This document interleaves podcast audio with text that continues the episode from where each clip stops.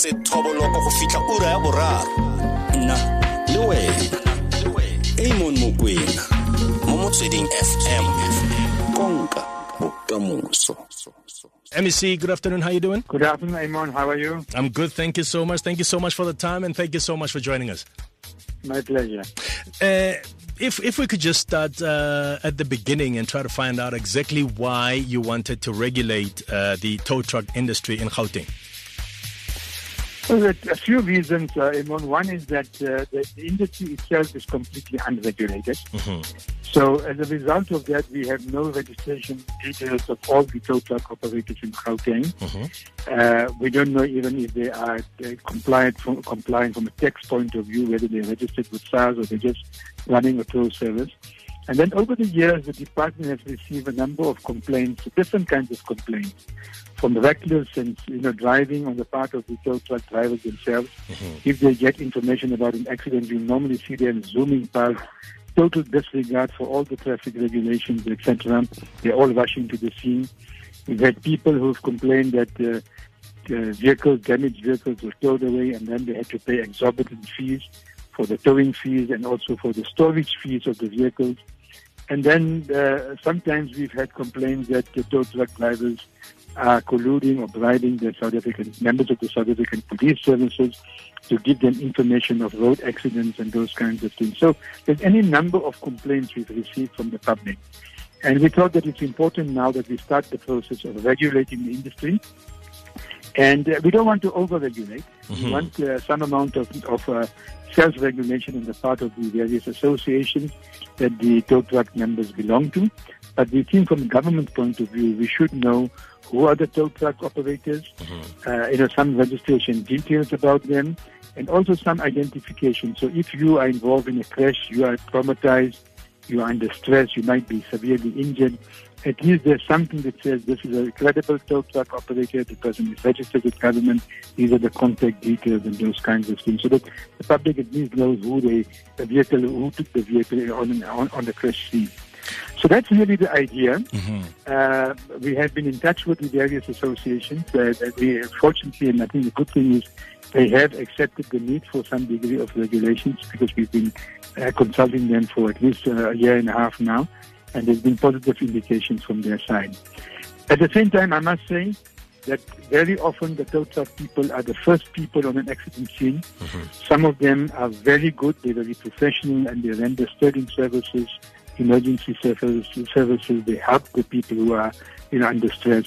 So there's a good and the bad. Yeah. Uh, and I don't want to paint everybody with a bad brush because there are a few rot- rotten apples in the industry.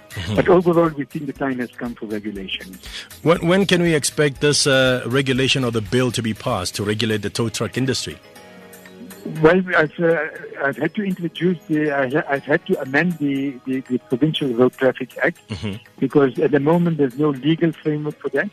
So tomorrow in the Gauteng legislature we will be introducing these bills formally, uh, which enables, which will, if it's passed by the legislature in the course of the next one to uh, two or three months, it will enable then the, the MEC for road transport to issue regulations, which we will also, which we have also prepared.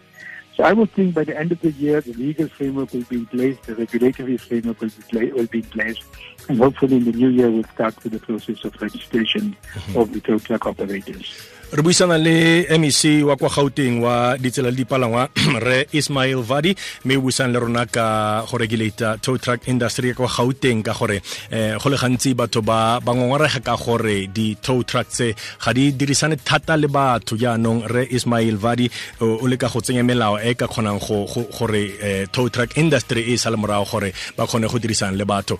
Eh, at the end uh, um, uh, mec uh, what, what, what would your message be to the normal road user um, when, when this bill comes into place? What would your message be to the normal road user when it comes to uh, tow truck drivers, if not the industry in general?